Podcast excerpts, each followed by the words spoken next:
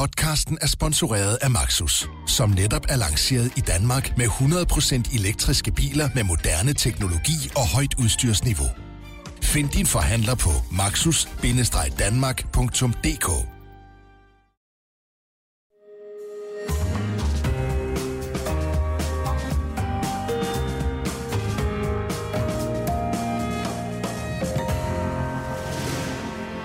Du lytter til Alis Integrationsland. En berlingske podcast med Ali Aminali.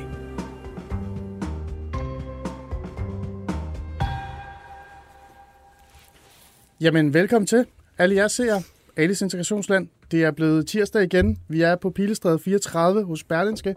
Og øh, det er tid til at tage en snak om øh, nogle af de her emner, som vi er så fascineret, interesseret og også farvet over inden for integrationsdebatten. I dag kommer det til at handle om genopdragelsesrejser. Jamen altså, som sagt, det er jo ikke, øh, det er jo ikke noget, nu han sagde om alle de her emner, ikke? det er jo ikke nogen nyt. Altså, det er ikke et nyt fænomen, genopdragelsesrejser. Vi har talt om det før, og nu er vi her igen. Det samme gælder debatten i forhold til, hvordan vi kan forhindre dem, eller have et opgør med de kultursammenstød, som forårsager de her genopdragelsesrejser, eller rejser, eller hvad det jo end er. Øh, men der er sket noget nyt. Øh, nu er der kommet en bog, som har sat øh, skub i debatten igen, hvis I kan se med her. Den er rigtig flot endda også. Øhm, bogen hedder Genopdragelsesrejsen, og den er skrevet af Anton Geis, Lasse Skov Andersen og Sebastian Abrahamsen, og er udgivet af Informationsforlag. Og den fortæller historien om øh, Samia med pakistanske rødder, som ender i et helvede på grund af hendes forældres beslutninger. Øh, man kan næsten sige, at det er på grund af hendes forældres øh, tilgang til ære, øh, skam, kulturelle øh, jamen, øh, forståelser, eller hvad man kan kalde det, ikke? værdier.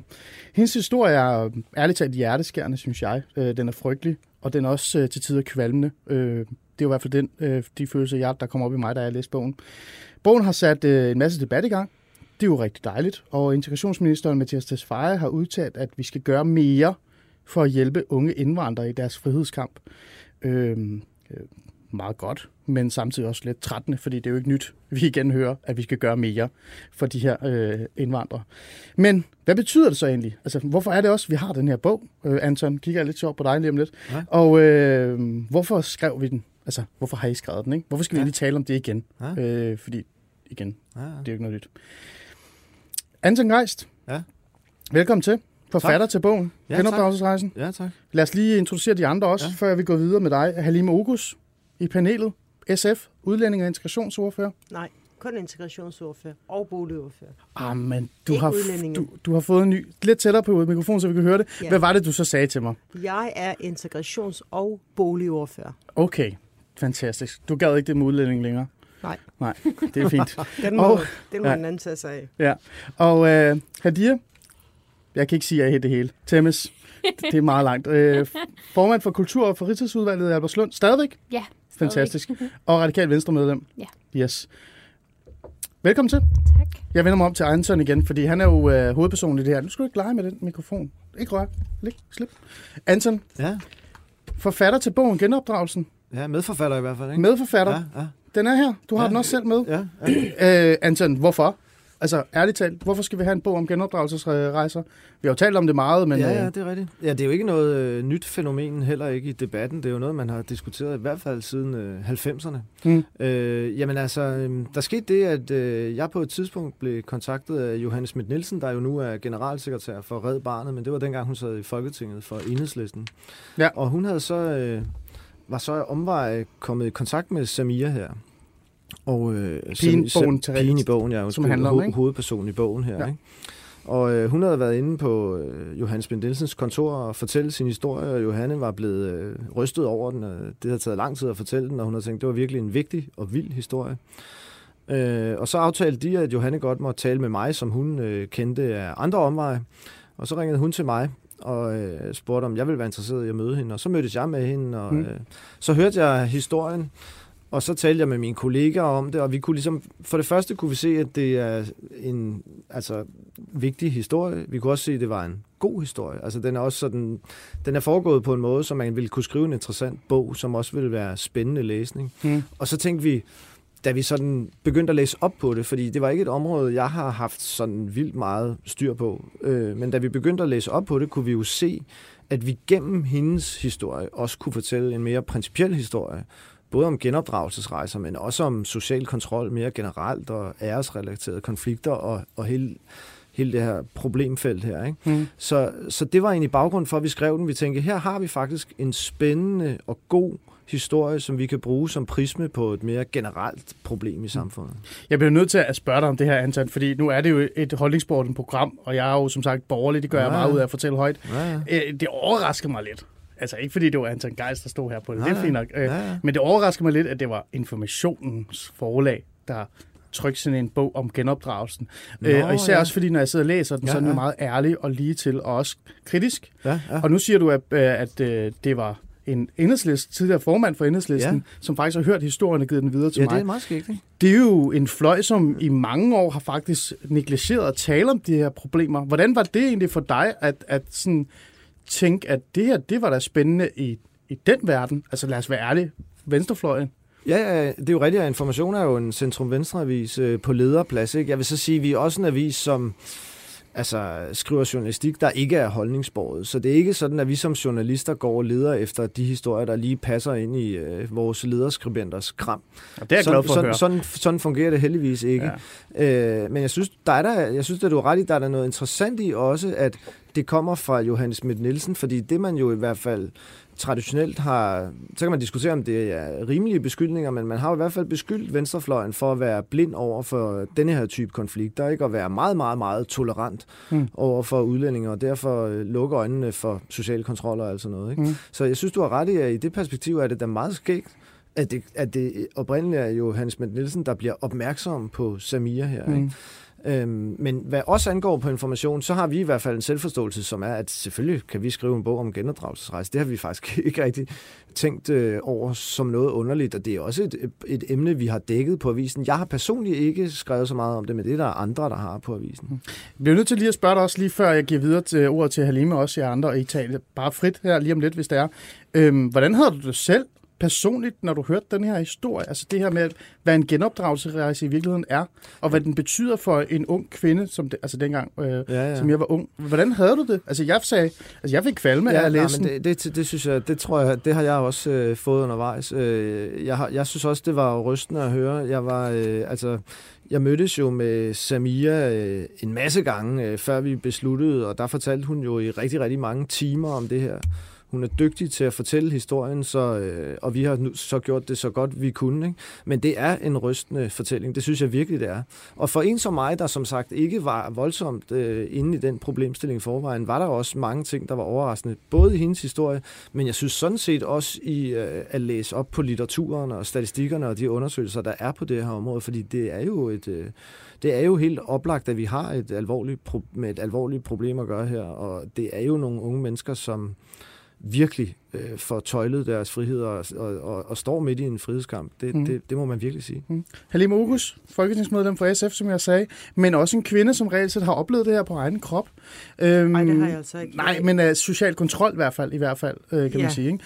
Øhm, Halime, selve bogen, har du... Øh... Jeg har været så heldig at få bogen af Anton Geist, som jeg læste færdig på en enkelt dag. Mm. Først og fremmest vil jeg sige tusind, tusind tak for den her fremragende skildring i en verden, som vi normalt ikke kender til. Mm.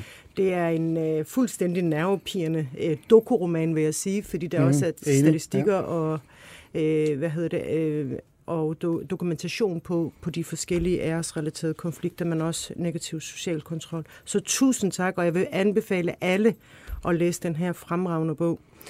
Øhm, og så vil jeg så sige, at det, at, øh, at man undrer sig over, øh, at Johannes Schmidt Nielsen skulle have videregivet den her historie, kommer lidt bag på mig, hvorfor der er den her undring. Fordi når man læser hendes bog, eller bogen om Samir og hendes liv, så synes jeg ikke, at man, kan, altså, at man nødvendigvis skal have en eller anden bestemt politisk holdning, for ikke at blive berørt af den her øh, historie. Altså, den er jo simpelthen så vild, og så inhuman, øh, hvis du spørger mig. Så der er ingen, hverken på venstre eller højrefløjen, der vil kunne stå stiltigende til den her fortælling. Der mm. skal gøres noget. Mm. Fordi at det her, det også er et samfundsanlæggende. Mm. Øh, jeg har selv øh, mødt en øh, kvinde i den landsby, som mine forældre kommer fra, Som er, hvor er du Som, oprindeligt fra? Øh, Konya, øh, Tyrkiet. Ja. Øh, og jeg øh, mødte hende første gang, da hun var sendt på den her genopdragelsesrejse. Øh, en ung, meget, meget, meget smuk mm. øh, og stærk kvinde, mm. som ligner lidt øh, hende her Samia på mange måder. Mm. Øh, da jeg mødte hende, der var hun omkring 16 eller 17 år gammel. Så jeg har jo set, hvad det er for et liv, øh, de så er nødt til at gå igennem, øh, mm. for ligesom at få familien til at gå med oprejst pande igen. Mm. Den der daglige nidkær øh, sociale kontrol, som de jo bliver udsat for, men også øh, den måde folk omkring hende mm. kiggede på hende på. Altså, altså der, hun var, i Konya eller i Danmark? Nej, i Konya. I Konya, ja. altså under den der genopdragelsesrejse, ja. hvor hun skulle indordne sig. Kan du fortælle, hva, hvordan de så på hende? Bare sådan... Jamen, altså selvfølgelig, at hun er en, der har øh, plettet øh, familiens ry. Øh, hun har været sammen med en mand, mm. som familien ikke øh, brød sig om, og derfor tog moren så øh, hendes pas og øh, hendes identitetskort og sådan noget fra hende, mm. øh, overlod hende så til bedsteforældrene mm. øh, ned i, i Tyrkiet, fordi at hun havde været sammen med en mand, som de ikke ønskede. Mm. Og der var hun så i flere år, mm. og der skulle hun blive indtil den første og den bedste komme frid til hende. Så hun skulle øh, faktisk så hun blive, skulle så der kom en, der kunne redde blive der. Ernst, Hun eller? skulle blive der, til hun blev gift. Og hun havde okay. ikke selv mulighed for at vælge den mand, hun skulle giftes med. Okay. Og dem, der kom og frid til hende, det var nogen, der ikke havde særlig meget uddannelse, ikke havde gået særlig meget i skole, men som også var fattige. Altså, de så hende som en eller anden investering til at komme til Europa. Mm.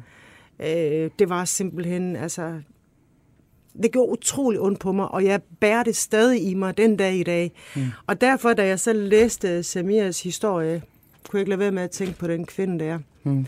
Øh, hvis liv faktisk blev fuldstændig ødelagt. Mm. Jamen lad mig tage den sidste med. Ja. Hadi. Ja. Hvordan siger dit navn rigtigt? Det er Hadia. Hadia. Ja. Jeg skal jo lære de der med navne, Hadia. Det betyder gave. Det betyder gave. Ja. Ja, men uh, det tror jeg på. øhm, Hadia, ja. nu har du ikke læst bogen. Nej. Nej, og det, øh, sagde, det talte vi også om, før at du kom i, i studiet med mig. Men, men du har så en inter- interessant historie i forhold til din egen familie, og, ja. det, og det tager vi bagefter. Men uh, du skimtede lige hurtigt uh, informationsartikel uh, omkring mm. selve bogen, og som jeg også uh, talte med dig om, altså, det er jo en det er jo teknisk, ja, det lyder hårdt, men det er også en generel historie, vi har hørt om det før. Hvad mm. tænkte du, da jeg sagde til dig, at nu skal vi snakke om det her i mit program, og der er kommet en bog om det? Altså, jeg synes, det, det her, når vi snakker generelt i udlændingedebatten og unge, specielt kvinder med en anden etnisk baggrunds frihedskamp, så synes jeg faktisk netop, at genopdragelsesrejser er noget af det sværeste at snakke om. Fordi det, det, det viser lidt, hvor, hvor absurd dårlige forhold de som børn og unge vokser op i, og også hvor meget vi som system fejler i forhold til, at vi ikke når at fange de her unge, specielt piger, før de ender med at komme derned og mm. rejse derned. Øhm, jeg vil lige være spørge dig, hvorfor det, men, men nu kom du selv med, med svaret omkring, det, det er jo netop derfor, det, det var, det var jamen, svært. Det er derfor. Men er der andre grunde til, at du synes, det er svært at tale om øh, det her med genopdragelsesrejser? Jeg tror også, jeg synes, det, eller jeg tror også, jeg synes, det er svært at tale om, fordi det er mere det der med, at Altså først og fremmest, altså, det, er jo en, det er jo en skræmmende historie. Jeg har som sagt ikke læst bogen, men jeg har hørt om den før. Jeg kender også selv folk, som har været ude for det. Faktisk også drenge, der har været ude for det. Og mm. det er jo, det er jo de ar, de har, de tager med sig, det, det er noget, de lever med resten af livet. Ja.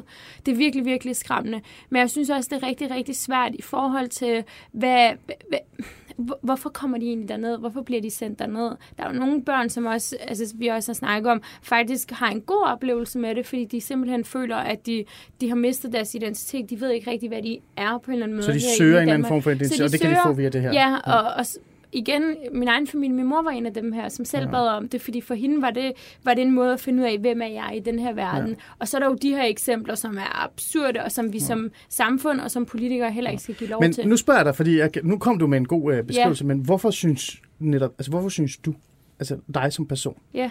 det er svært? At, at, at tale om det? Fordi så svært er det jo heller ikke, for du sidder her sammen med mig og Nej, skal jeg tror, jeg tror, grund til, at jeg synes, det er svært... Er det noget med at, med at stigmatisere folk? Nej, for, for man mig så handler det om forholdet mellem den person, der bliver sendt afsted, og familien. I forhold okay. til, jeg tror, det er rigtig, rigtig svært for mange af dem, som oplever det, og så skulle kæmpe imod dem, som man øh, man har levet med hele livet, og som egentlig skulle være der til at få beskytte en. Så altså, der er mange mere nuancer i det, end Meget bare mere at for sige, at mig. familien er ond. Og, Ja, 100 procent. Øh? Altså det, jeg vil sige, det er i forhold til, for eksempel snakkede vi om, øh, jamen hvad kunne, hvad kunne øh, samfundet gøre? Øh, mm. Og øh, hvad hedder det, har sagsbehandlerne, socialrådgiverne eller skolelærerne ikke været gode nok? Ja. Der vil jeg sige, at jeg synes også, at det er at pålægge dem mere ansvar, øh, end de reelt er vant til. Øh, det her, det er jo en fuldstændig ukendt kultur.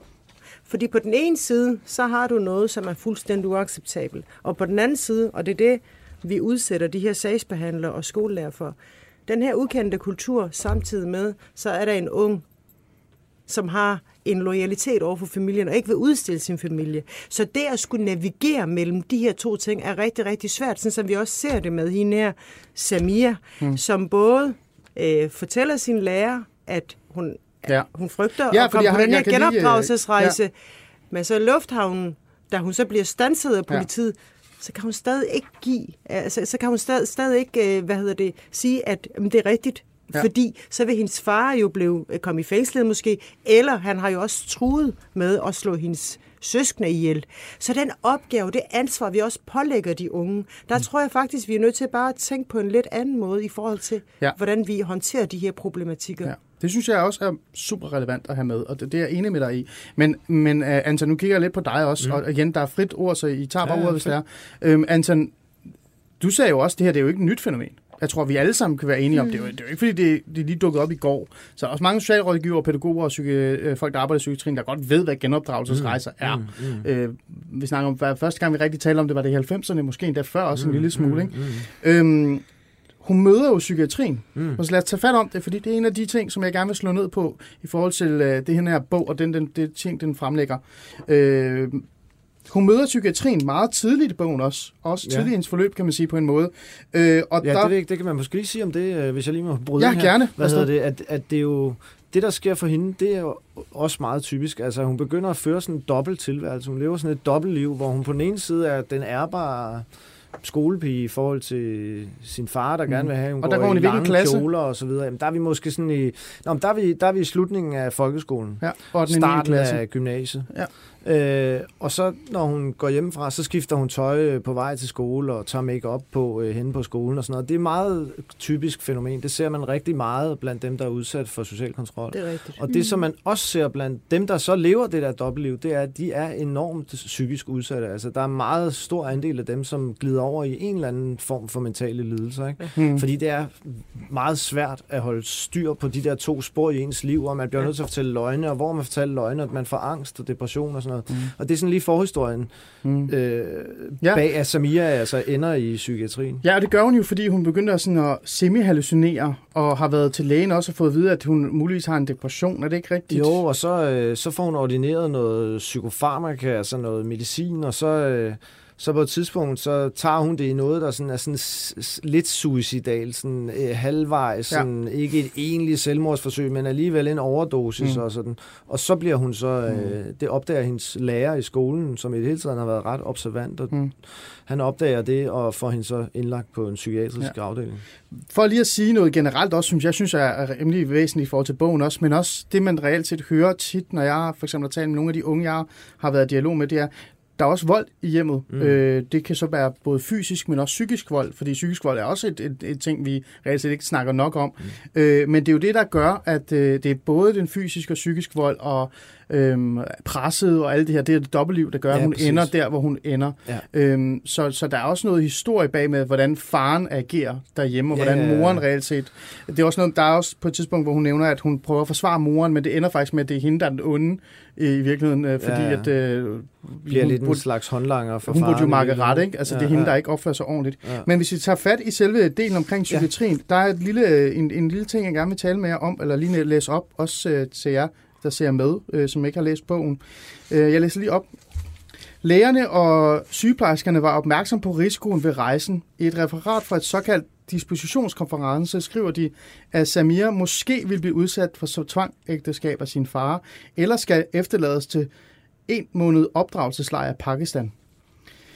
Så de ved det godt. Mm. Ja, præcis. Altså, i psykiatrien, der går det meget hurtigt op for dem, at det her, det er faktisk noget, der, der findes. Det er ja. noget, de allerede godt ved eksisterer. De ved også godt, at det her, det er noget, der reelt set skal, skal, man skal pas- passe på med. Ja. Øhm, men der bliver jo ikke reageret på det. Der bliver jo ikke handlet på det. Det er jo sådan en Nej. form for, det noterer vi ned i en journal. Nej, altså, øh, det, det er jo det, man, øh, sådan, når man sidder og kigger tilbage på historien, og vi har jo agtindsigt, det er derfor, vi kan, i, i, i alle hendes papirer, det er derfor, vi kan læse alt det her, så, så kan man jo godt sidde og ærge sig over, at der ikke var nogen, der greb ind på det mm. tidspunkt, fordi hun fordi det er jo tidligt i processen. Ja, det er, nemlig, det er nemlig, det kunne man jo sagt, altså det kunne man jo godt have gjort, og så kunne man jo have forhindret den her mangeårige genopdragelsesrejse. Og der er faktisk også overvejelser i kommunen og det psykiatriske system om, altså om, om hun simpelthen skal tvangsfjernes. Mm. Øh, derfor synes jeg faktisk også, at bogen er, kan også være relevant i forhold til hele den tvangsfjernelsesdebat, som Socialdemokratiet har sat gang i. Ja.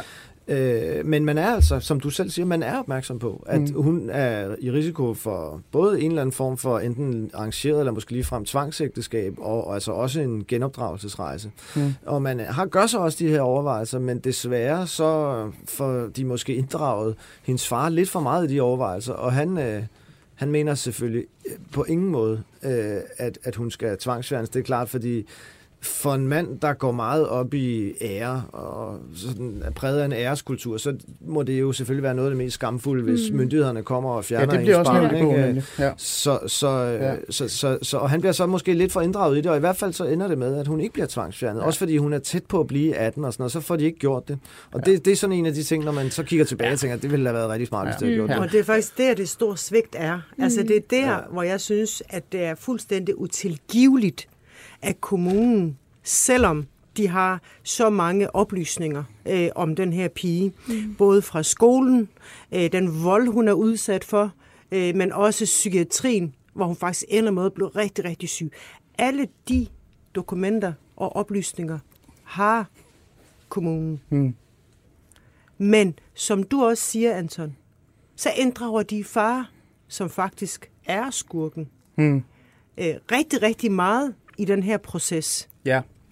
Så det ender med, at hun så, og netop fordi de både inddrager øh, ham, men også pigen, som skal bære det store ansvar, Mm. og samtidig med, at hun også har en loyalitet over for familien. Så det er hende, der står med den store opgave. Mm. Mm. Så ender det med, at hun bliver sendt på genopdragelsesrejse. Må jeg gerne fortælle i hvor lang tid? Ja, ja, det må I være. syv år Mm. i et land, Ja, som det er ikke en kender. måned eller to eller Nej, tre. det er i syv år. syv år, Men det er jo, at det er hun jo, er dernede. Men det er jo et generelt fænomen. Med daglige tæsk og ydmygelser. Men det er jo et generelt fænomen, øh, Halima, som du kommer ind på. Øh, Alice, hvad, hvad tænker du, øh, når jeg nævner det her op? Eller, Jeg griner, når jeg kan du ikke siger sige mit nej, navn. nej, det er fint. Det er ikke det sagen. Ja, Nej. det er da altid godt, at vi kan grine lidt Ja. i forhold til det her. Men, men hvad tænker du sådan, altså det her med, at, at psykiatrien faktisk godt vidste? Der er også et andet passage i bogen, øh, hvor øh, der er, det, det er faktisk fantastisk, fordi jeg som socialrådgiver kan kende, genkende det ekstremt meget. Mm. Øh, det her med, at når vi har ikke hørt fra borgeren, hun er, fordi hun netop bliver sendt på genopdragelsesrejse. Psykiatrien er opmærksom på det og, og er bekymret for det. Man henvender sig til, til kommunen, til sagsbehandleren. Mm. Sagsbehandleren afvejer det med at sige, at vi har ikke hørt fra hende, vi ved ikke rigtigt, hvor hun er henne. Og så bliver sagen lukket. Mm. I stedet for, at der er nogen, der reelt set finder ud af, eller tænker over, hvor er den her kvinde egentlig mm. forsvundet hen. Mm. Hvad, hvad tænker du om den her, den her, du kaldte det for en svigt på en eller anden måde fra, fra myndighedernes side i forhold til den her, Altså, den her sag? Altså, det er et stort, det er et virkelig stort svigt af myndighederne, og hvordan vi egentlig, også kommunen i forhold til, som du også nævner i starten, at nu er jeg ikke øh, uddannet socialrådgiver endnu, og jeg kender ikke tvangsanbringelsesreglerne. Nej, fordi du, hvad du ved at uddanne Jeg vil som? uddanne mig til socialrådgiver, ikke? og jeg kender ikke reglerne. Og sådan der. Nej. Jeg, en lille Nej. smule har jeg læst lidt om det, og min mor har selv ja. arbejdet med Men hvad tænker du som fremtidig socialrådgiver? Altså, jeg havde, jeg havde tvangsanbragt det. Mm. Men jeg tror også, jeg havde gjort det, fordi apropos det, som du nævner, jeg har også en baggrund, som minder lidt om hende i forhold til, jeg har en anden baggrund, kommer fra Tyrkiet, har måske kender folk, der har oplevet det her. Så jeg vil jo som person, altså det vil bare sige klik for Du mig. kunne se nogle andre mønstre, Jeg end, kan- end Grete se- fra, fra kommunen ville kunne Ja, se og, og, der, og der synes jeg jo på en eller anden måde, Halima, at du både har ret, men alligevel ikke, når du siger, at der mangler en forståelse. Fordi mit ansvar går jo heller ikke hverken på socialrådgiverne eller dem, som arbejder i psykiatrien. Nu, nu kender jeg ikke reglerne så meget, men heller ikke til læreren. Fordi de har jo det ansvar i forhold til, at de skal indberette det her, og, men, men i sidste ende, så, jeg ved godt, det ikke skal blive en politisk diskussion, ikke? Jeg Nej, nej, det må, det må godt. Men- så men politisk sidste er det heller ikke endnu. Men Du i kommer sidste bare. ende, men i sidste ende er det jo, nu siger jeg os, men primært jer inde i Folketinget, som laver lovgivning, som udformer noget lovgivning på, hvordan kan vi egentlig agere, når vi har de her sager som dem her. Hvad, hvad kan vi gøre for at hjælpe? Men lad mig lige Hvorfor? udfordre dig så, fordi øh, det har du ret i. Det er jo Mm. øh, Halime og, og andre, der reelt set sætter lovgivningen. Men i socialrav, altså hvis vi tager socialrådgiveren i hvert fald, ikke? men også øh, psykiatrien, det er jo skøn. Det er jo på baggrund af faglige vurderinger. Og de faglige vurderinger kommer jo på baggrund af viden, Mm. øh, information, øh, tilgang til det. Men også, og det, og det er sådan, det er, det må vi bare acceptere også, fordi mennesker tager, sit, øh, altså, tager sig selv med på arbejde. Egen erfaringer Mm, og livssyn og, øh, og tilgang til forskellige kulturer. Og, og der, så den skøn, den ting, det er jo noget, der er i loven. Øh, Men der har, vi, der har vi som blandt andet kommunen, der har vi jo et ansvar i forhold til... socialrådgiver, for det er jo kommunen, der... Nej, nej, nej, øh, nu tænker, nu, nu er Tænker du politiker. Ja. Nu er det mig okay. som politiker. Nu er det mig som politiker, der snakker i forhold til, så har vi som politiker et ansvar i forhold til at bruge, give noget efteruddannelse til de her sociale Ja. Hvis vi ved, at i vores kommune er der rigtig mange med en anden baggrund, og den her sag, den egentlig godt kunne ende på vores spor, ja. jamen så har vi også et ansvar i forhold til at måske prøve at efteruddanne vores socialrådgivere, have nogle kurser til dem, have nogen i vores kommune, som egentlig kan agere som kulturelle oversætter. Okay. Og ja, Ja, Halima? Jeg vil sige, at jeg, jeg er nok ikke helt enig med dig i, at øh, det måske mere er et politisk spørgsmål fra Christiansborg, af, fordi det er det ikke. Altså Christiansborg kan lave de overordnede rammer, men det er jo kommunen og de kommunale ansatte, men der møder økonomien borgeren. kommer fra jer. Ja, det kan man så bede om. Men jeg tror ikke, det her det handler om et økonomisk spørgsmål. Det Mm, her det handler, Hvad handler det ja, om så? Jamen, det handler jo om, at man ikke er nok opmærksom på øh, dybden i problematikken, øh, og, hvor, og, og hvor galt det kan gå. Øh, det er man ikke opmærksom på, men også bare det, at man inddrager, som sagt, faren øh, Mm, ja. øh, for meget i det her. Ja. Øh, altså, efteruddannelse er altid en god ting, men jeg mener ikke, at det er efteruddannelse, der mangler her. Det kan jo sagtens se ud fra de dokumenter, de har, mm. fra både psykiatrien og fra skolen, at det er fuldstændig galt. Altså, lad os bare sige, at det ikke var Samir, øh, men det var en Charlotte for Mm, eksempel. Ikke? ja. Der vil de jo kunne se, at det er fuldstændig galt, det Ja, her. der havde vi, man skal jo, reageret. vi skal jo Det have man. handlet på det her med det samme. Ja. Ja. Altså, det er en pige i skolealderen, der bl- øh, bliver indlagt på baggrund af al den øh, al Fysisk og al- psykiske- fy- fysiske og psykiske vold. Ja. Ja. Og en anden ting, som man også bare glemmer, øh, når man taler om negativ social kontrol, det er netop, som du også siger, de her negative psykiske konsekvenser, det har for de unge. Netop det der med at skulle navigere i to forskellige verdener og opretholde den her facade hele tiden. Mm. Jeg har jo arbejdet som medicinsk tolk i rigtig, rigtig mange år, og der har jeg jo set de her unge mennesker, øh, men også kvinder, øh, hvor psykisk øh, syge de kan blive, og de her psykiske lidelser, de kan få af, af, af det her psykiske pres. Mm. Det synes jeg faktisk, der mangler sådan opmærksomhed omkring øh, hele den psykiske del i mm. den her negative sociale kontrol. Ja, men jeg tænker bare, øh, noget, hvis vi taler om det her med, hvad, hvorfor, hvorfor fanger man det ikke, og myndighederne svigt og så videre, så, så, øh, så der er måske også det relevante, at vi vel i Danmark også øh, har et credo om, som vel er meget fornuftigt, at vi vil, altså man lytter også til barnet, altså barnets stemme er meget vigtig, og hvad, siger, hvad vil barnet selv og så videre, ikke? Ja. Og der tror jeg måske også, man kan have et problem i den her type sager, Ja. fordi at de her børn, er jo mm. for det første måske ret kraftigt indoktrineret af deres familie, og nogle gange mener de måske noget af det samme selv i virkeligheden. Ikke? Og andre gange frygter de for, hvad, hvad der sker, hvis de siger sandheden. Øh, Der kan, det kan gå ud over deres søskende, eller det kan gå ud over dem selv. Og der tror jeg også, at øh, der skal systemet måske lige kalibreres lidt til, at her skal man måske faktisk ikke altid lytte så meget til barnet. Altså, ja. Ja. i det her tilfælde, der er det jo heller ikke sådan, at hun selv insisterer på at blive tvangsfjernet, for eksempel. Nej. Hun går ligesom med til Det det, rigtigt. og er ikke at blive det. Og, og ude i lufthavnen, der, der, øh, der bliver hun sådan set hævet ud af flyet, fordi hendes overvågne skolelærer har alarmeret lufthavnspolitiet, og lufthavnspolitiet kommer og hiver faren og hende ud af flyveren, der er på vej ud på ellers øh, til at rulle ud på startbanen der, ikke? Og hun bliver så spurgt, er det frivilligt det her? Hmm. Og hun får ikke svaret ordentligt, men hun får heller ikke svaret klart øh, nej. Mm. Øh, og, og så synes de ikke, de kan gøre andet, end at lade hende tage afsted. Og det kan man sige, det er jo, der lytter man jo til hende, men det skulle man måske mm. ikke have gjort, faktisk. Ja, og det skal, måske, det skal systemet, tror jeg, mm. tænker jeg, sådan set Enig. udefra, måske også lige øh, vende sig lidt til. Mm. Socialrådgiver, snart. Ja, ja. Eller Hvornår meget. hvor langt er du Jeg i dit lige studie? startet. Jeg Du er lige startet, ja. okay. Men du er jo fremtidig socialrådgiver. Du kommer til at være socialrådgiver, ligesom jeg har været de her par år. Mm. Øhm, hvis vi skal være lidt mere generelle, og så lige spørge dig sådan lidt mere øh, i forhold til det her, fordi folkeskolelæreren reagerer. Mm. Øh, socialrådgiverne har måske nok den rigtige, rigtige viden, men de er måske travlt. Det ved jeg ikke, du, du for eksempel du sagde, de skal have flere. Men det ændrer jo ikke rigtigt på det skøn, ændrer ikke på den tilgang, der er til selve problematikken. Så, så jeg bliver nødt til sådan, at sådan, Ja, jamen, jeg synes, spørge dig igen, sådan, altså, hvordan har du det med, at, at, at den her manglende forståelse eller erkendelse af det her, det er faktisk et større problem. Fordi, let's face it, helt ærligt, jeg har siddet med sager til, for eksempel til sparringsmøder med andre, hvor der har været børn, som er blevet udsat for social kontrol fra kristne miljøer, fra Jehovas, øh, altså Jehovas vidnemiljø, eller folk, der er alkoholikere, eller slår deres børn. Der går fire sekunder, så har alle. Grete fra kommunen hånd i vejret og siger, det barn, ikke? Der skal en paragraf 50, som er sådan en undersøgelse, mm. man sætter i gang, for at finde ud af, om barnet skal fjernes eller. Den går i gang sådan her. Mm. Men hvis det er Suleima, som har problemer med sin far, man ved aldrig. Jeg kan komme med et eksempel også, bare lige uh, hurtigt. Jeg nævner det mange gange. Jeg mødte jo stadig hende her pigen, og jeg har mødt mange af dem på 14 år, der havde uh, hvad hedder det, forlovelsesring på. Ikke? Mm. Og hun sagde til mig, at det er bare en måde at, at, at, agere på det her, altså, du ved, den her verden, fordi ellers så bliver min mor og far rigtig sure på mig. Hvordan har du det med, at dine kollegaer, eller fremtidige kollegaer, faktisk har siddet og set de her problemer og ikke rigtig reageret på det? jeg tror også, der er nogen, altså, først, altså, det er, det er virkelig nuanceret, ikke? Og, og nu Jamen, er, det bruger du hele tiden, den Ja, der men- Hvordan har du det? Altså helt ærligt. Hvis du sad foran øh, Suleima, der kom som 14-årig og havde forlåselsring på, og sagde, det her det bliver jeg nødt til at gøre, for ellers så bliver min far ekstremt sur på mig, fordi jeg må ikke date. Vil du så bare sige, Nå, sådan er det, det er Nej, jo vores det vil jeg kultur. ikke. Nej, det vil jeg ikke. Nej. Altså, det vil jeg ikke. Fordi jeg vil jo, der vil jeg jo kunne, jeg vil jo kunne se på hende, om det er hendes eget valg, eller om det er hendes families valg. Jeg har selv gået med den forlovelsesring en gang, fordi jeg ikke gad. Men der var det mit eget valg. Så det vil jeg jo, fordi jeg selv er netop for det miljø, kunne se. Men jeg kan godt forstå, hvorfor Grete ikke ville kunne se det måske. Og jeg tror også på en eller anden måde, kan hun måske også have en frygt og en angst for, hvad vil det betyde for mig som individ, hvis jeg tvangsfjerner Suleima, og hvad, hvad, hvad kunne hendes familie måske finde på at gøre?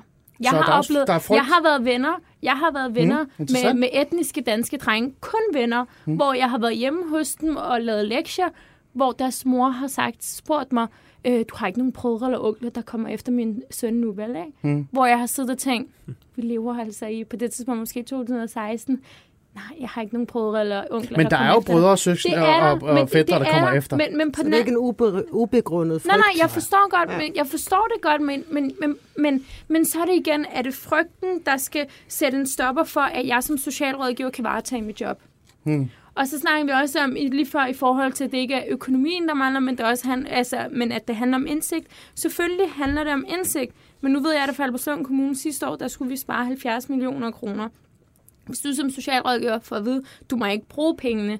Hvis der så er to måneder til den her 18-årige pige, hun bliver, eller til den her 17-årige pige, hun bliver 18 år, så ved du, hvad det vil koste for din kasse at skulle tvangsanbringe det her barn. Hmm. Altså, og det er bare realiteten, vi arbejder med ude i kommunerne, desværre. Vi tager lige en skiller.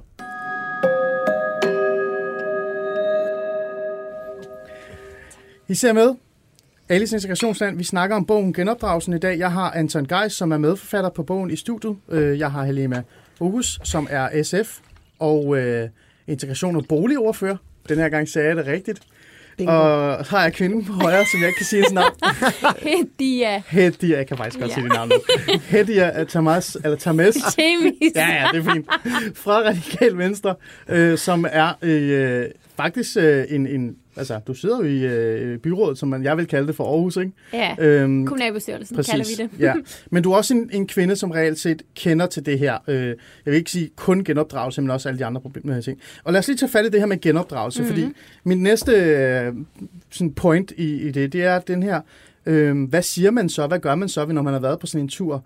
Og, og lad os lige bare lige fortælle, hvordan hendes tur var. Mhm. Mm. Hun har jo været på den her genopdragelsesrejse. Halima, du nævnte, hvor mange år var det, hun har været på den? Syv år. Så- Og det er jo ikke, det er jo ikke små. Det er jo ikke en måned eller to eller andet. Absurd. Øhm, hvis man lige tager fat i bogen, og så og lige finder det, øh, et, øh, et, et stykke, øh, og Anton, du må meget gerne hjælpe mig i forhold til det Ja, her, omkring det her med, øh, at hun er øh, i Pakistan nu, Mm. og hun er øh, hos sin familie, og hun får nok. Øh, hun beslutter sig for, at nu vil hun ikke mere. Nu vil hun afsted. Hun har ikke sit øh, statsborger eller sin da, pas på sig eller noget som helst, så hun kan ikke rigtig komme nogen sted hen. Men nu Nej. vil hun afsted. Og, øh, og jeg læser lige op, hvad der er, der sker for hende. Øhm, hun måtte træde, eller han måtte træde til side, men tog med den ene hånd fat i hendes arm og holdt hende fast, mens han klaskede den ene mod øh, den jamen, det, det, her, det er sådan lidt mærke. Så vi går lige hen øh, til det her. Mm. Samia frøs i kort øjeblik, overrasket over slaget. Så nev hun så hårdt hun kunne i hans arm. Hun forsøgte at ramme ham med maven med knytnævslag, men blev stanset af et kraftigt ryg i nakken. Hendes hoved blev tvunget bagud, og kroppen var nødt til at følge med. Semias ældre fætter havde grebet fat i hendes lange hår. Han trak hende hen til sig, slaptaget og skubbede hende ind til jorden. Men Samia kæmpede sig på benet, kom fastere end til. Hun tog fat i Samias arm og hævde hende ind mod huset, mens hun råbte op om, at Samias far havde bestemt, at hun skulle være her. Samia skreg. Endnu en lussing glaskede mod hendes kind, og Samia blev skubbet ind i et depotrum. Sådan opfører en kvinde sig ikke, råbte fasteren. Så skubbede hun døren i. Stabler af store metalkister med dyner og puder og lærtøj sang hen i mørket. Der var ingen vinduer i rummet. Sammy hørte denne skrabende lyd af metal mod øh, træ, da slået blev skudt for døren. Hun sang sammen på en hård stengulv. Og ja, videre og videre. Ja. Øhm, det, det er en beretning om, da hun faktisk reelt prøver at flygte fra, fra det her, den her familiehus, eller ja. det sted, hun er. Øhm, hvad, hvad er det, der sker her? Hvor lang tid har hun været her, og hvor, hvorfor er det, hun beslutter sig for at stikke af? Øh, ja, men altså, øh, hun bliver jo, øh, altså, hun kommer jo fra asken til ilden, kan man sige, ikke? Da hun kommer fra sin familie i Danmark, hvor hun jo også bliver udsat for vold og så videre, så til Pakistan, hvor hun øh, virkelig bliver underlagt hård social kontrol, og hun må ikke gå øh, uden for øh, deres øh, matrikel uden øh, sådan en burka-agtig dragt mm. og så videre. Ikke? Altså hun er der jo, som og, Halima siger, fordi hun har øh, bragt skam øh, ja, til præcis, familien. Ikke? Altså hun skal, hun skal ligesom genopdrages og lære kvindens ja. plads i samfundet og familien at kende og, og, og alt det her i virkeligheden ret klassiske. Øh, og, øh, og det er på landet i Pakistan, det er meget primitive forhold, hun skal leve under. Øh, hun skal lave mad over bål og sådan noget. Øh, hvad hedder det? Men så er det, hun har øh, faktisk forskellige flugtforsøg. Øh, mm. Øh, det her er et af dem. Altså hun forsøger øh, mange gange at flygte. Øh, på et tidspunkt øh, går det op for hende, at hun... Øh, at det smarteste måske er at prøve at flygte om natten, fordi hun, bliver, hun forsøger at flygte om dagen, og hun bliver indfanget hver gang. Hun, den der by, øh, alle kender hinanden og sådan noget. Det er virkelig vanskeligt at flygte derfra uden et pas og til fods og så videre. Ikke? Hun forsøger så at flygte om natten, og egentlig måske også tæt på at lykkes med det, men så bliver hun alligevel opdaget, øh, da hun er på vej ud af porten øh, og faktisk udsat for sådan en fingeret henrettelse, altså der bliver trykket et øh, gevær imod hendes tænding, og hun tror, at de vil skyde hende, og det gør de så ikke, men Altså, det er selvfølgelig en totalt traumatiserende oplevelse. Øh, så, så der er flere af de her forsøg, og det, det ender vel med, at hun på en eller anden måde tænker, at hun bliver nødt til at underkaste sig i virkeligheden. Altså hun bliver nødt til at efterleve det, de vil have, hun skal. Altså hun bliver nødt til at indordne sig. Ja. Øh, og det bliver så hendes vej til lige så stille øh, til allersidst at få lov at øh, få et besøgsvisum tilbage til Danmark, så hun kan komme tilbage til Danmark, og så øh, udnytter hun jo det til at ja. rigtig komme tilbage til Danmark. Ikke? Ja. Men, altså, men, ja. men, men det der med at flygte, det lykkedes hende ikke, og hun blev nødt til at indordne sig. Mm. Og det kommer vi ind på øh, senere. Øhm, tilbage til dig. Mm. Øhm, du har selv øh, ikke oplevet det i hvert fald selv, men din mor har været på sådan en opdragelsesrejse. Nu siger jeg ikke, at det er det, der er sket for din mor overhovedet Nej, ikke. Overhovedet. Det her, det er også, som jeg også siger, øh, som vi alle sammen har sagt, det her, det er jo sådan en, virkelig en af de der altså forfærdelige, skrækkelige historier, ikke? Mm. Men, men genopdragelsesrejser og opdragelsesrejser, eller hvad du end vil kalde dem, der er jo en form for, øh, altså der er, der er noget frygt, der er noget, man skal, altså mm. det, der er noget af det her i det. Øhm, din egen personlige historie, eller din mors personlige historie, øhm, mm. hun kom på en opdragelsesrejse, ja, men, men det var frivilligt, siger du? Ja, min mor hun gik på en skole i Vandensbæk Kommune, da hun var 12-13 år, og hun er så den eneste med anden etnisk baggrund i hendes klasse, og det ender med, at hun bliver mobbet virkelig, virkelig, virkelig meget. Og hun får det rigtig, rigtig dårligt i flere måneder, og så til sidst så beder hun sine forældre om at sende hende ned til landsbyen. Og dengang rejste de jo hver år en måned i sommerferien, så hun havde jo alle sine kusiner og fædre dernede. Og hun bliver så sendt derned, fordi hun er sådan, jeg vil gerne lære min kultur, jeg vil gerne vide, hvordan det er. Samtidig hun begynder hun også at blive lidt religiøs, så for hende var det en sådan, jeg skal finde mig selv rejse. Og hun kommer derned, og i fire måneder er hun så dernede. Øh, og man kan snakke om, hvor meget opdragelse hun fik, fordi efter hun rejste ned, var alle kusinerne begyndt at ryge. Så det, Hun begyndte at ryge. de er alle sammen begyndt at ryge, men, men, men efter de fire måneder, så ville min mor faktisk gerne blive dernede og gå på en sådan en, øh, øh, hvad hedder det der, Kostskole. kostskole, islamisk kostskole. Det ville hun selv gerne.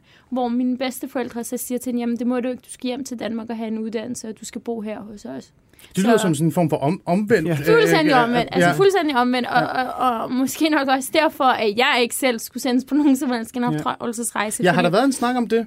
Aldrig Overhovedet nogensinde. ikke. Overhovedet ikke. Aldrig nogensinde. Aldrig, aldrig nogensinde. Slet Nej. ikke. Jeg er også, altså, jeg er meget fri selv. Øh, øh, jeg vil ikke sige selv om, fordi man kan godt have, øh, hvad hedder noget, religiøse familier og være, øh, hvad hedder det noget, frie og moderne. Og det, det er sådan en familie, jeg har. Hmm. Øh, Men jeg bliver nødt til at, sådan også lige at, at udfordre dig lidt, fordi Ja. jeg har selv hørt en masse historier, eller ikke hørt en masse, som om, at de bare kommer udefra, men Nej. jeg har talt med en masse unge, eller øh, talt med kollegaer eller andre, mm. hvor, hvor man øh, ved, at de her genopdragelsesrejser, som bliver nævnt, ligesom den her, øh, måske ikke så voldelige, eller det kan også være det er, vi mm. ved det bare ikke, at de findes, de mm, eksisterer. det gør det. Altså, det er meget svært for mig. Nu snakkede jeg med sådan 8-10 øh, forskellige, både drenge og piger op til øh, programmet. Det plejer jeg altid at gøre, for at forsøge at se, om der virkelig er en generel øh, øh, omkring, altså noget generelt omkring det her.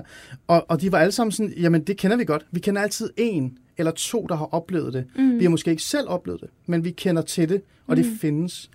Øhm, vil du så, altså, hvordan har du det med det? Altså det her med, at, at det kan godt være, at der er nogle positive genopdragelsesrejser eller opdragelsesrejser, hvor personen tager afsted, men der er også det andet, og alle kender en, eller Altså har oplevet generelt, generelt er jeg jo imod genopdragelsesrejser. Skal jeg en. ikke Også den måde, din mor var på. Jamen, jeg tror, jeg tror, min mors var nok et helt andet, et exceptionelt. Altså, øhm, jeg tror også, det måske er også man bliver også nødt til at kigge på, hvad, hvad ligger der, hvad foreligger der. Fordi hvis, min, hvis der lå alle mulige i, hos kommunen om min mor, og hun øh, oplevede vold derhjemmefra, og, og hun, at mine bedsteforældre udøvede social kontrol mod hende, så har jeg lidt den genopdragelsesrejse, hun blev sendt afsted på, den skulle hun nok ikke sendes afsted på. Mm. Der lå heller overhovedet intet på min mor. Mm. Øhm, jeg tror bare, at vi skal også passe på med, at det ikke ender med nærmest, at vi alle specielt unge piger imellem 13 og 17 år, hvis de rejser alene til det land, til, undskyld, til det land, de oprindeligt kommer fra, jamen så skal vi bare stoppe dem i lufthavnen.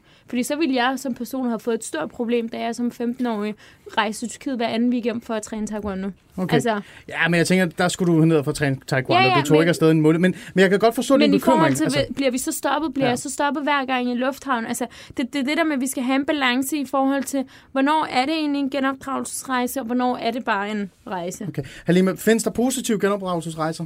Altså er genopdragelsesrejser bare sådan en nuanceret lille øh, gimmick, som man, man reelt set ikke rigtig har øh, en forståelse for i virkeligheden? Jeg er ikke særlig vild med ordet Ja, ja, genopdragelsesrejse. Interessant. Øh, hvad- hvad tænker nej, du? Men det, det er jeg ikke, fordi det, at man skal have en anden opdragelse, betyder jo, at man måske, at der er en kultur, man ikke bryder sig om, og så skal man øh, simpelthen, børnene skal opdrages i en anden kultur, som mm. måske er meget langt væk fra den moderne kultur. Ja. Men jeg kunne, altså der, hvor jeg kunne se noget positivt i, at man skiftede miljø, øh, for eksempel, det vil være i forhold til de unge, øh, der får en kriminel løbebane, altså ligesom for at udskifte deres miljø, og ligesom for at få dem til at øh, opleve noget andet, øh, nogle andre mennesker, nogle andre miljøer. Øh, der kunne jeg være positiv øh, i forhold til forældrenes øh, valg af at sende børnene øh, afsted. Kunne vi ikke bare sende vil på opdagelsesrejse i højskole, i stedet for at de skal Jo, tilbage til... selvfølgelig. Jamen, jeg mener ikke lige nødvendigvis, at det skal være en eller anden landsby. Øh, Det er slet ikke det. Nej. Øh, nej. Nej. Men, men altså, at de bare skifter miljø. Ja. Så vil jeg gerne lige tilbage til det, som du siger, øh, Anton, det der med, at hun øh, er nødt til at underkaste sig på en eller anden Mm-hmm. måde. Der vil jeg sige, at hun faktisk er ret strategisk Ja, ja. øh, i forhold til den der underkastelse, fordi det kan godt være, at øh, hun, øh, hun øh, måske øh, hvad hedder det, øh, indføjer sig øh, og accepterer nogle ting, øh, men, men, men det, du er ikke til at tage fejl af, at der er jo sådan plantet en kim i hende, altså en danskhed. Hun har oplevet friheden. Hmm. Øh, og den frihed øh, kæmper hun for. Øh, hun kæmper tilbage, hun vil gerne kæmpe tilbage til den frihed, for at opnå den frihed. Og for at kunne opnå den frihed der, så er hun også nødt til at at acceptere øh, nogle ting, og det gør hun jo ved for eksempel at blive øh, ende med at blive gift øh, med Ja, en eller anden det gør hun. fætter. Ja. Øh, så og, og blive gravid. Og, Ja, og få, øh, sin og, søn og på den, måde, ja. på den måde kommer hun jo så tilbage øh, til Danmark. Mm. Øh, der er hun igen nødt til at være strategisk. Og der er hun igen nødt til, og, fordi hun ved, at vejen til frihed går gennem en uddannelse og selvstændighed. Mm. Det lyder, øh, ja, det, og det har du ret i. Det er jo sådan en overlevelsesstrategi ja, en virkelig måde. Anton, jeg bliver nødt til at spørge dig, ja, før du tager ordet. Ja, ja, øh, hvordan har du selv med, med genopdragelsesrejser begrebet? Øh, altså sådan det ord. Mm, altså det synes jeg da, altså det, det tænker jeg egentlig er ok i de tilfælde, hvor det er denne her type mm. rejser, som hun bliver sendt ud på her. Ikke? Fordi jeg er enig i, det har i hvert fald med tiden fået en negativ klang, og det er jo også rimeligt nok, når det er sådan nogle her rejser, fordi det er der ikke noget særligt positivt at sige om. Nej. Men jeg synes, at det er rigtigt, at det er, øh, det er et vanskeligt område. Altså, det er jeg enig med dig i, uh, Hedia. Altså, øh, at, at fordi jeg synes der ikke principielt der er noget galt med at du hvis du har en der hvis ens forældre er vokset op i et land at man så tænker der kunne jeg godt tænke mig at komme til og i nogle måneder eller et halvt år eller, eller andet. Jeg er for eksempel øh, halvt tysker og, øh, og da jeg gik i 9. klasse, der... Øh, så du har været udsat for genopdragelsesrejse, Anton? Jeg har været på en frygtelig genopdragelsesrejse til Tyskland. Nu siger jeg det, fortæller om det for første gang. Det nej, hvad hedder det? Nej, nej. Nej, det er jo det. Altså, ja. der, der, besluttede jeg selv, at jeg synes, det kunne være sjovt at tage ned og bo hos min tyske onkel nede i Sydtyskland i et halvt år. Ikke?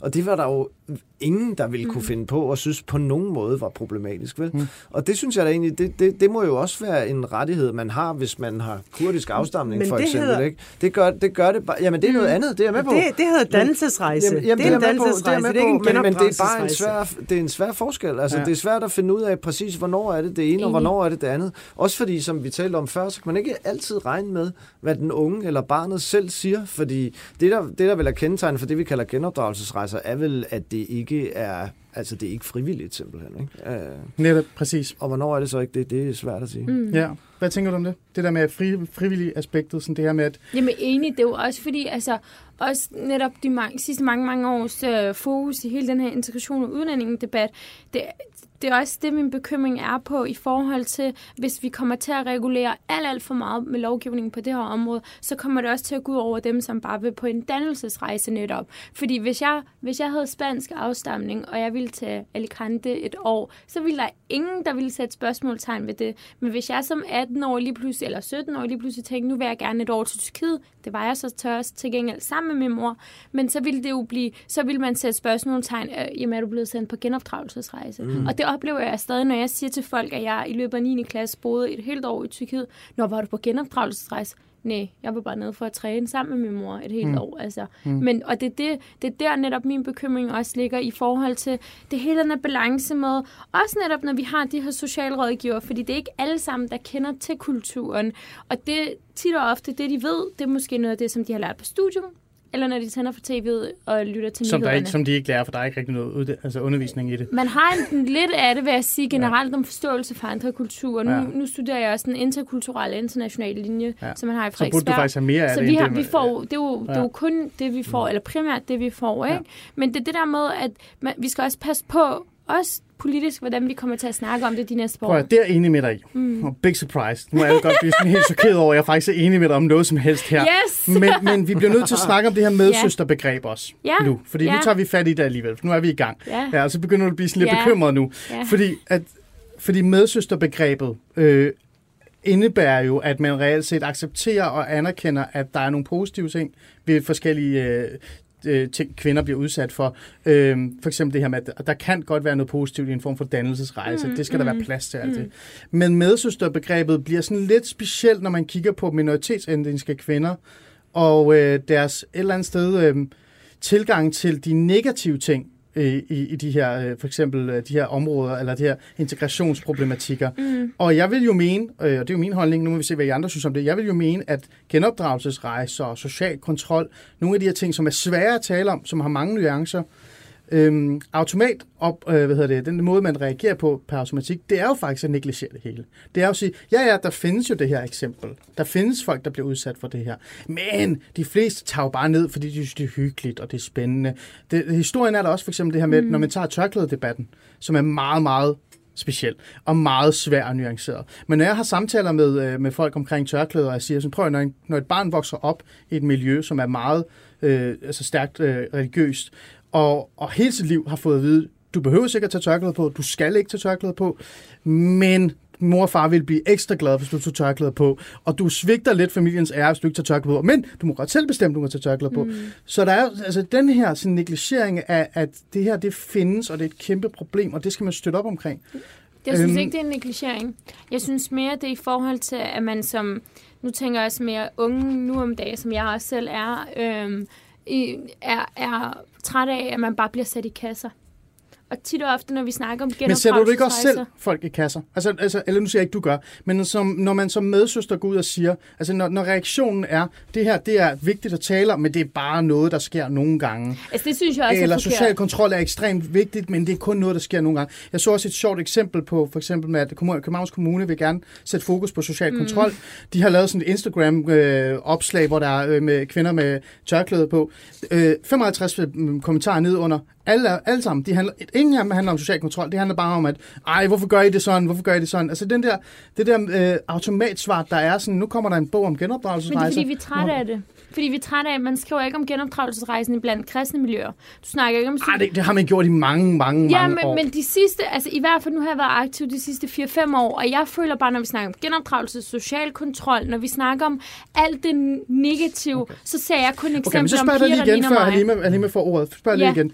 Medsøsterbegrebet. Ja, Svigter man ikke lidt det medsøsterbegreb der, hvis man ikke siger, prøv at høre, der er også noget af det, men nu skal vi støtte op omkring de kvinder, der bliver udsat for det her. Jeg så man synes også, sige, vi- nej, men bare fordi jeg ikke er blevet udsat for det her, eller mine veninder er ikke blevet udsat for det, så, så jeg er det ikke så stort også, altså, problem. jeg synes også, vi skal støtte hinanden, når der er en sag som den her 100%. Jeg synes bare, at problemet er nærmest, at hvis jeg som person ikke støtter hende, der bare har frigjort sig fuldstændig fra sin oprindelige kultur og religion, jamen så er det som om, jeg ikke gider at støtte hende Ja, så er du sådan imod... Øh, Så ja, Ah, og der har jeg det bare lidt, jeg synes også, vi bliver nødt til at nuancere hele det her billede om, hvordan man er den gode, øh, unge kvinde med en anden etnisk baggrund, hvor du stadig er velintegreret. Så behøver du ikke at nærmest fjerne dig fuldstændig fra din egen religion og kultur. Okay. Halima? Jeg kan mærke, at nu bliver jeg lidt provokeret. Fantastisk. Ja, endelig satte jeg noget i gang. Ja, det gør jeg virkelig, fordi altså, øh, når vi øh, ressourcestærke øh, hele tiden er så forhippet på øh, at kigge på de her solstrålehistorier, mm. hvilket der er nogle af, og det skal der jo også være, alt andet vil være fuldstændig unaturligt. Absolut. At vi hele tiden skal være optaget af det, øh, optaget af solstrålehistorierne, og ikke tale om de reelle problemer, hmm. fordi at de ressourcestærke ikke skal føle sig truffet. Så svigter vi faktisk de her unge mennesker. Men- Folk, nej, nu, nu vil jeg gerne lige tale ud. Du kan sige det lige om lidt. Ja, Når vi for eksempel hele tiden skal tage forbehold for, at der er nogen, der ikke skal føle, at de bliver puttet i kasser. Hmm. Folk er jo ikke dumme.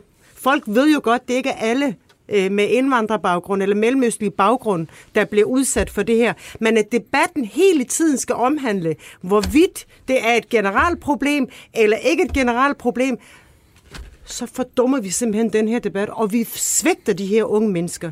Hmm. Alle ved godt, det ikke er alle, det handler om. Hmm. Men når vi...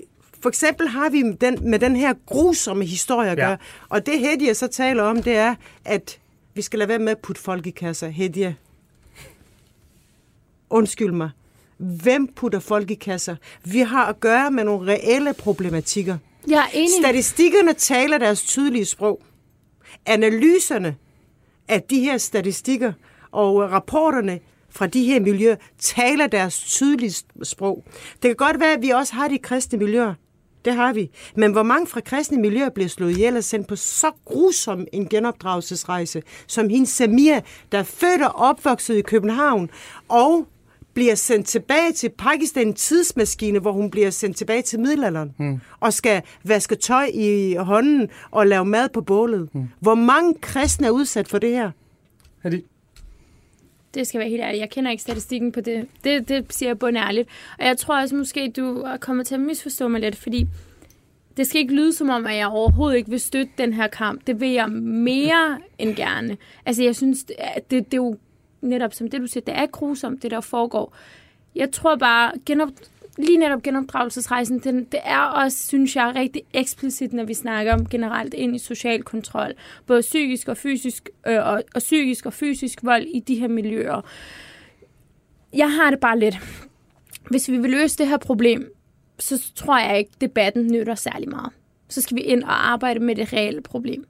Det er det, jeg, det, det, det, som jeg mærker. Øh, nu, nu er du, altså nu ved jeg ikke, hvor gammel du er, men når jeg kigger lidt på det, så tror jeg, du er nogenlunde på alder med min mor. Øh, start 40'erne måske. Og jeg er vokset op med nogle helt andre præmisser og, en, og et helt andet Danmark, end det I er. Øh, man kan sige meget om, hvordan forskellene er, men den offentlige debat føler jeg bare påvirker rigtig meget mere både unge drenge og unge pigers selvforståelse og hvordan vi identificerer os selv.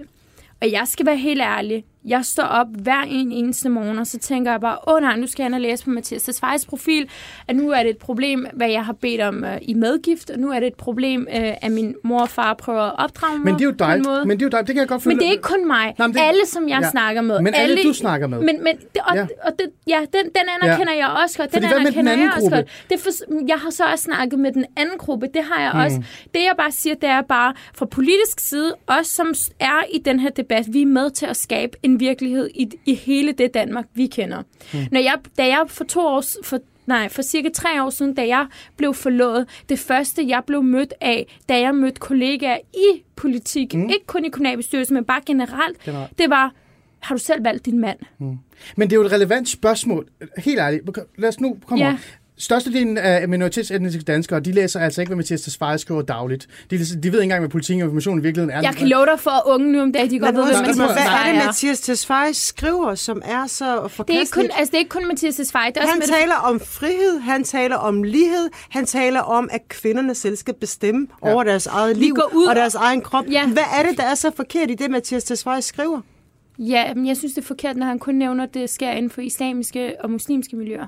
Det er det, der er forkert i det. Han er om- integrationsminister, Det han er ikke kirkeminister. Det kan godt være, men når vi snakker om integration, så snakker vi vel ikke kun om integrationen af muslimske, øh, øh, muslimske individer i det danske samfund. Når vi snakker om integration, så snakker vi om at have en forståelse for hinandens kultur, alle generelt. Hvis vi skal snakke om social kontrol, så skal det ikke være under integrationsministeren, så skal det måske ind hos øh, øh, Socialministeriet, fordi social kontrol... Ligestilling.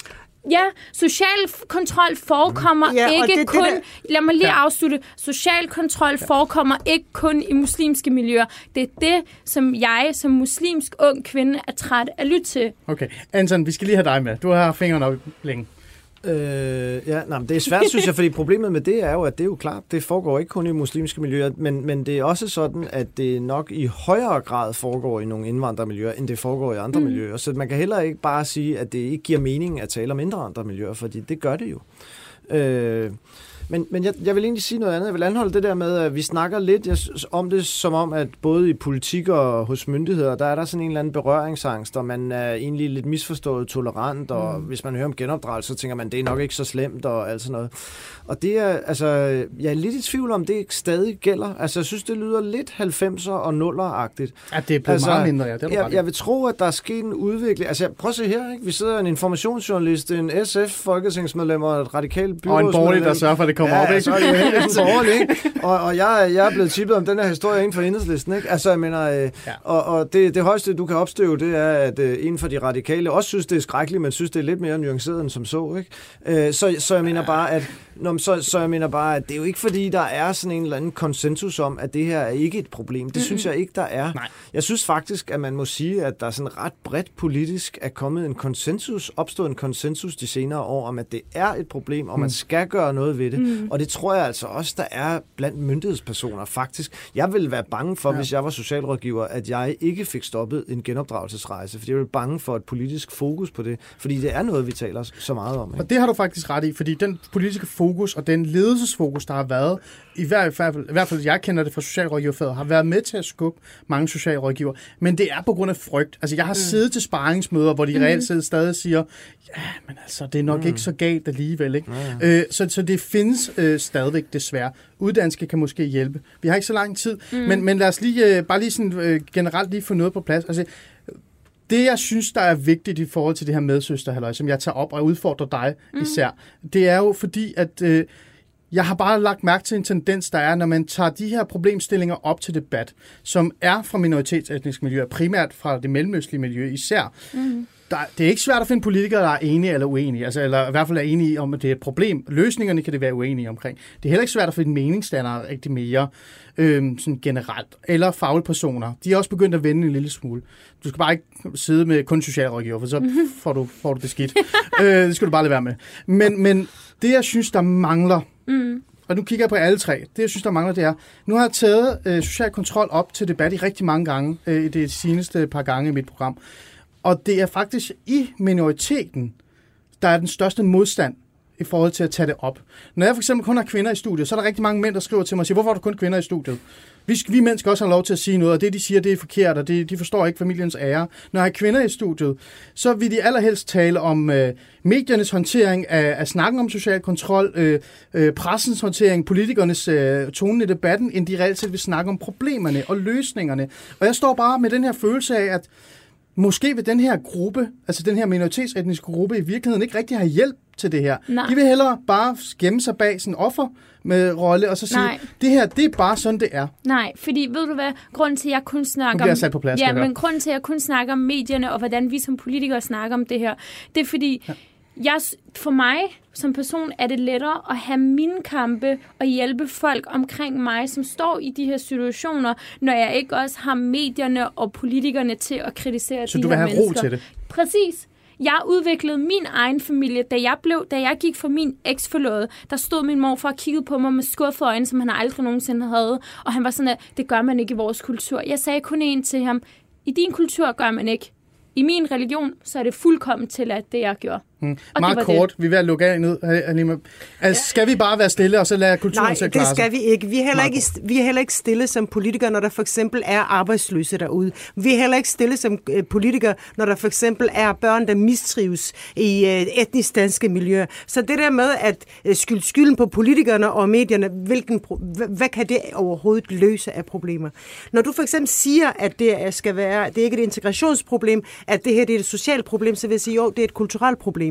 Det er nemlig ikke et socialt problem. Har det været det, så vil højtuddannede heller ikke udsætte deres mødre eller døtre for negativ mm. social kontrol. Så det er fordi, det er et kulturelt problem. Okay. Og medsøsterne, de skal bare... Vi ser jo medsøstrene. Vi ser jo, at de søstre, der gerne vil gøre noget ved den her problematik, alle de trusler, de bliver udsat for. Og når radikale venstre så står Altså, og negligerer... person, altså, det, er, det er min personlige Okay, når holdning. Det er Hedi, partiets holdning, hvad jeg lige sige. undskyld, når Hedi så negligerer øh, den her problematik Ej, jeg og, prøver, ikke. og prøver at få de kristne ind øh, i den her debat, så bliver debatten så forplumret, at de øh, personer, ja. som er frontpersonerne til at hjælpe Nu de her mennesker, Ja. også bliver angste. Ja, Ja. som- Og de kan ikke hjælpe dem. Okay. Sidste ord for dig, Anton. Øhm, hvordan har det været at være i den her debat omkring din bog?